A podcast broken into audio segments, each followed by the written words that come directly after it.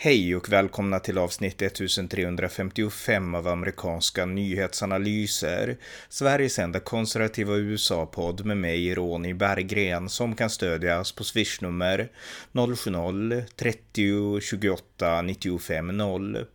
I detta avsnitt samtalar jag med Sverigedemokraternas riksdagsledamot Tobias Andersson om dennes besök på konservativa CPAC sommarkonferens 2021 som hölls i Dallas, där bland annat tidigare president Donald Trump talade. For generations, the American Conservative Union has helped lead the charge to defend our values, protect our country, and preserve our glorious American heritage. You see, they're taking our heritage away. That's not going to happen.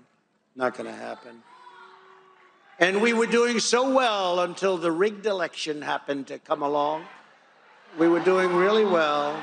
But today, that heritage is under threat like never before. Who would have thought this could have happened? Even Bernie Sanders is saying, I never thought this could happen. He's mild by comparison. In a matter of mere months, Joe Biden has brought our country to the brink of ruin. Right here in Texas, we are the epicenter of a border and migration crisis unlike anything anyone has ever seen before in the history of our country. Under my administration, we achieved a historic reduction in illegal immigration. Never happened before to that extent, and not even close. The Democrats know their policies on crime are so unpopular, so radical, so crazy they are now trying to pretend they never led defund the police movement in the first place. This information. We never said defund the police. You know who did it? The Republicans did it. That's what they do. It's called disinformation. It's very simple. If you support defunding the police, vote for the radical left Democrats, and you see what's happening to the cities where they defunded the police. There's never been anything like it. If you want more police and more cops on the streets, vote for America First Republicans. Or let's put it very simply vote for MAGA. Make America great again. MAGA. Never forget that the radical left is not the majority in this country. We are the majority, and it's not even close. It's not even close. Här följer ett samtal med Tobias Andersson om konferensen. Varmt välkomna. Tobias Andersson, välkommen. Tack så mycket.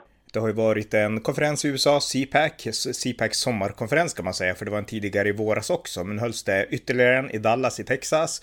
Och eh, CPAC är ju en konferens då som handlar om, ja, det är en samlingsplats för amerikanska konservativa. Och eh, årets tema var America Uncancelled.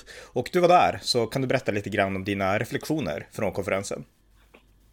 Ja, men gärna. Och det man kan inleda med att säga är att CPEP brukar ju årligen hållas i Washington DC och vara eh, världens största konservativa konferens. Nu har vi ju demokrater som styr i DC, så det har varit svårt för dem att ha någon konferens där, så därför flyttade man den årliga till Florida eh, det här året och sen valde man då att ha en ytterligare i Texas. Så får vi väl se om man fortsätter med det här regionala temat. Men det, det, var väl inte riktigt lika stort så som det brukar vara eh, i DC, men de uppgifter jag fick var att det var ungefär 5 000 konservativa på plats, huvudsakligen från USA men även folk som reste in från andra länder likt mig själv. Mm. Och eh, alltså, som sagt, temat var America Uncancelled och jag såg, jag har inte sett så många tal, men jag såg eh, Donald Trump Jr och jag såg såklart Donald Trump, före detta presidentens tal. Kan du berätta lite mer alltså, om eventen, det som hände och vad, vad som diskuterades och samtalades om där? Ja, men absolut. Och som du nämner så var ju namnet på konferensen var just Uncancelled och det var ju ett återkommande tema hos många av talarna men också i de övriga samtalen som ägde rum på plats. Så det har ju sitt ursprung i den debatt som rått i flera år i USA men som kanske intensifierats här hemma vid bara det senaste året kring alltså de stora nätbolagens kontroll över yttrandefriheten i sociala medier. Och i en amerikansk kontext så har man ju som sagt haft debatten i flera år, men i samband med valrörelsen och hur de agerade då när Twitter exempelvis gjorde det omöjligt att sprida negativ, en negativ artikel om um, Joe Bidens son när man såg hur man efter valet tog bort då fortfarande sittande presidentens konton i sociala medier som man fortfarande inte gett tillbaka. Det är ju en enorm debatt. Och samma vecka som CPAC ägde rum så lämnade ju Donald Trump in en stämningsansökan mot de stora nätbolagen. Så det var ju det kanske ja, men det mest påtagliga temat under konferensen. Mm. Och när jag såg just alltså son, sonen Donald, eller Don Trump Jr, alltså han var ganska rolig. Eh, jag, för jag såg hans tal först och sen tror jag pappan kom dagen efter eller någonting. Men han var jätterolig, han brukar vara det också. Och jag vet inte hur många tal han du se där på konferensen?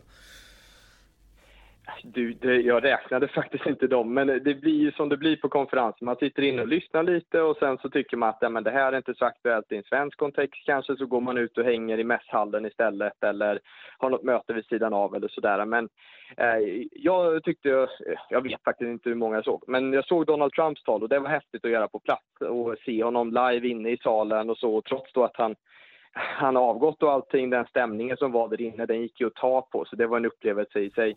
Ja, alltså Donald Trump, det där talet, jag tyckte att det var ett... Eh, han säger vissa saker jag inte håller med om. Det här med valfusk håller jag inte med om alls riktigt egentligen. Men han säger också väldigt många roliga saker och han är ju klockren när det gäller liksom kritiken mot massinvandring och eh, Demokraterna bäddar egentligen en väg för hans comeback genom deras totala misslyckande vid gränsen och med liksom lag och ordning och sådana saker. Så att jag menar, Donald Trump, han, han håller på att göra comeback verkligen. Och eh, eh märktes det av där att Republikanerna fortfarande är Donald Trumps parti? Ja, men det gjorde det. Eh, sen är det kanske ganska givet sett till crowden som är på plats, men man hade en mätning som man önskade att alla deltagare skulle delta i. Jag gjorde faktiskt inte det, för jag tänker att det här får amerikanerna sköta själva. Men där var det, om jag inte missminner mig, 70 procent av deltagarna som ville att se Trump som presidentkandidat eh, 2024. Den näst mest uppskattade kandidaten, det var tydligt eh, Floridas eh, guvernör DeSantis Eh, så, och helst ville man se dem eh, ställa upp tillsammans. Så det säger väl en del om, om det republikanska partiet nu att om man tror att Trump är helt ute ur leken, ja men då har man nog fel på det hela. Sen lägger inte jag någon värdering i det, det får de sköta själva så att säga. Men han har fortfarande starkt stöd, det är uppenbart. Mm. Och jag menar, han, han pressar ju verkligen på de här frågorna som är aktuella och de är kanske lite aktuella i Sverige också. Jag menar, lag och ordning, jag menar, USA har problem nu med laglöshet för att man har defundat det polis i väldigt många demokratiska städer. Här i Sverige har vi kanske inte defundat det polis, men, men vi har utan tvekan liksom brist på poliser i många svenska områden som skulle behöva fler poliser. Och det här med critical race theory som man också gjort en stor sak i USA, att republikanerna vill gå emot den här, de här raskritiska diskurserna. Eh, det börjar ju också trilla över lite här i Sverige. Så jag menar, fanns det några paralleller där som man ska, skulle kunna hämta från CPAC och lära till Sverige? Ja men verkligen och du, du pekar ut flera utav dem. Jag, jag tänkte säga det förut att om man bortser från temat man cancelled så var det som var mest påtagligt det var ju just vart vi befann oss. Vi befann oss i Texas. För visserligen ganska norrut men det var ju många eh, på plats som kom söderifrån som själva har rancher vid, bo, vid gränsen till Mexiko som beskriver hur mer eller mindre beväpnade gerillor ger sig in eh, på deras mark. Och pratade med, med gränspoliser, pratade med företrädare för Texas guvernör och annat som beskrev de fruktansvärda människoöden som sker om man då är markägare vid gränsen och helt plötsligt så kommer det en drös med kartellmedlemmar över fullt beväpnade och går på marken och går och letar mat i en kylskåp mer eller mindre. Eh, så den typen av massinvandring som nu sker till USA där man har slagit rekord tre månader i rad som Donald Trump sa i sitt tal med mängden som korsar gränsen från Mexiko in till Texas. Det är ju fruktansvärt. Och det kommer vi få se förödande effekter över, under lång tid framöver i USA. Och Det har ju Sverige sett, inte minst efter den kris som vi hade 2015. Mm. Och det här med kritisk rasteorier, alltså det är inte lika stort i Sverige såklart, men det finns ändå liksom de tendenserna här också där man försöker hetsa mot vita och sådana saker och, och så. Eh, hur, hur, mycket pratades det om det på, på konferensen och så? Och vad tänker du om liksom vad vi kan applicera på Sverige i, utifrån det de sa där på, i USA? Nej, men jag skulle beskriva det som så, att, för jag fick den frågan på plats utav flera, men har ni uh, critical race theory uh, back home? Och det har vi ju, det är bara att vi använder kanske inte den benämningen. Och ser man bara nu i dagarna så har det varit en stor debatt på Twitter sett till påståenden om att vita skulle vara så oerhört privilegierade och att man har världens gräddfil på arbetsmarknaden och hit och dit. Så samtidigt som vi vet att väldigt många arbetsgivare ägnar sig åt aktiv kvotering utav olika minoritetsgrupper snarare än att man har någon förtur för, för vita svenskar. Eh, så jag tror att debatten äger rum här, men vi använder inte samma etikett på den. Men det var många som talade om det på plats och inte minst många utifrån ett skolperspektiv. För det är kanske där man ser de största utmaningarna. Och jag pratade med vänner som de har börjat hemskola sina barn för att eh, de klarar inte av att ha dem i skolan i DC. De tycker inte att det funkar. För att det blir så himla mycket vänsterindoktrinering. De får lära sig från förskoleklass att hata sitt land, att hata sitt ursprung, att skämmas över detsamma. Så det har gått så långt att vänner till mig har börjat ja, men att hemskola sina barn helt enkelt för att de vill inte ha dem i det ordinarie skolsystemet. Och vi har väl samma tendenser av problem, även om de kanske inte är lika utförliga eh, i Sverige.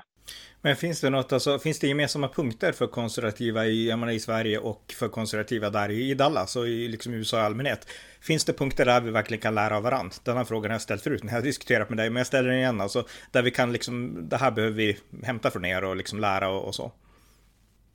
Ja, men det tror jag. Och, och, man kan väl skilja på olika saker. Rent politiskt som sagt så kan vi säkert lära dem en del av våra erfarenheter av flyktingvågorna 2015 nu när de får se sån enorm illegal immigration till USA under Joe Bidens styre. Vi kan säkert lära av dem när det kommer till just uh, critical race theory, identitetspolitik och hur man hanterar det och inte minst hur man sätter stopp för det i skolorna för där finns det ett stort tryck från republikanska företrädare nu så där kan vi säkert hämta inspiration. Sen kan vi säkerligen också lära oss delvis organisatoriskt för, av de olika gräsrotsrörelser som finns i USA på ett sätt som vi bara skulle kunna drömma om här hemma med den donationskulturen, civilsamhällesorganisationer eh, som är politiskt engagerade och så vidare. Och det tycker jag alltid är spännande att höra om hur små intresseorganisationer ändå kan ha tiotusentals som går runt och knackar dörr för deras intressen runt om i USA och den organisationen är ganska imponerande att lära sig om. Mm. Eh, jag tänkte så här också, det har hänt en del saker i utrikespolitiken och USA de senaste åren har ju blivit mer introvert. Det gäller utan tvekan Joe Biden och det gällde också Donald Trump. Alltså man vill fokusera på de interna problemen för de är så stora som man känner att vi måste prioritera oss eh, lite mer än vi har gjort tidigare. Men det har hänt väldigt mycket i världen. Dels så lämnar USA Afghanistan och det kommer att bli kaos där. Det är stora protester på Kuba mot kommunistregimen där och eh, det händer saker på, på många håll. Kina avancerar i, liksom i Sydkinesiska havet och liknande och så. Var det någon, något slags prat om utrikespolitik på CPAC? Ja men absolut och inte minst som du nämner med Kuba som ju ja, men accelererades under tiden jag var på plats i USA. Så det, det var ett, ett genomgående tema att det berördes också. Där vet vi ju att eh, kubanska immigranter till USA är ju i enorm utsträckning republikaner.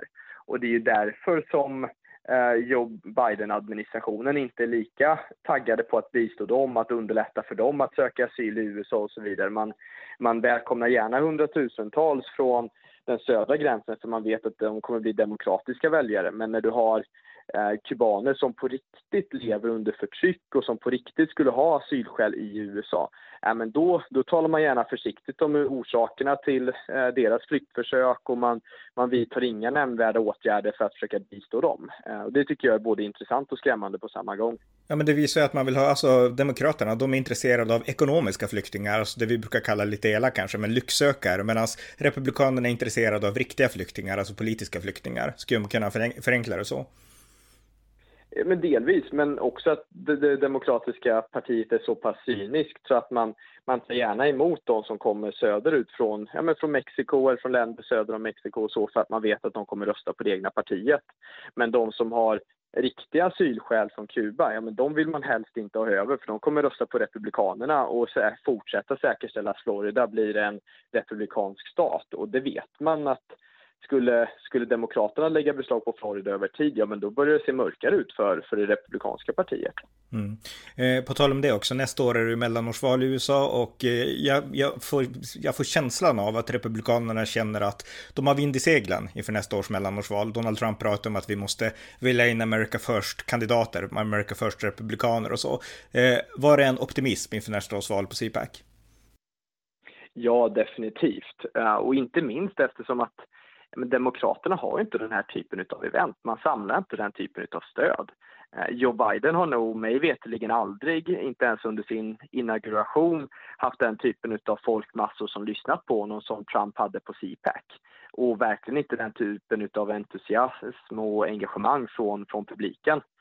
Eh, så det är klart att det var en optimistisk stämning och jag hade också förmånen att, att eh, sitta ner och prata med diverse nya kandidater som ställer upp inför valet. Så det, det är ju spännande i sig också. Men som du säger, att Trump lägger sig ju i vilka som nomineras, vilka som ställer upp och inte minst i sitt tal men också i tidigare ageranden. Så han kommer ju han kommer inte, han, han, kommer vara fullt ut engagerad och försöka verka för att de som han tycker har svikit honom, de ska ut och de som han ser som lojala och policymässigt korrekta, de kommer han försöka verka för att välja in.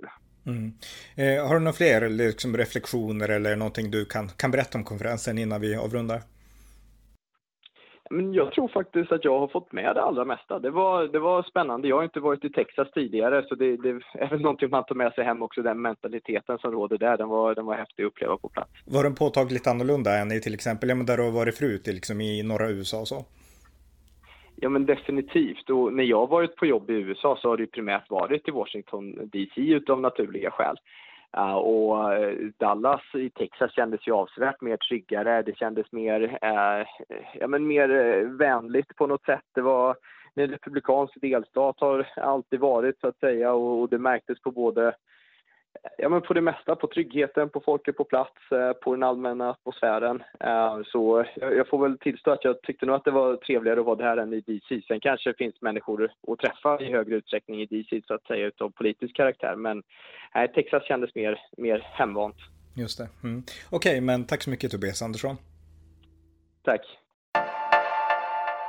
Det var avsnitt 1355 av amerikanska nyhetsanalyser, en konservativ podcast om amerikansk politik som kan stödjas på swishnummer 070-30 28 95 0 eller via hemsidan på Paypal, Patreon eller bankkonto. Det var allt för den här gången. Tack för att ni har lyssnat.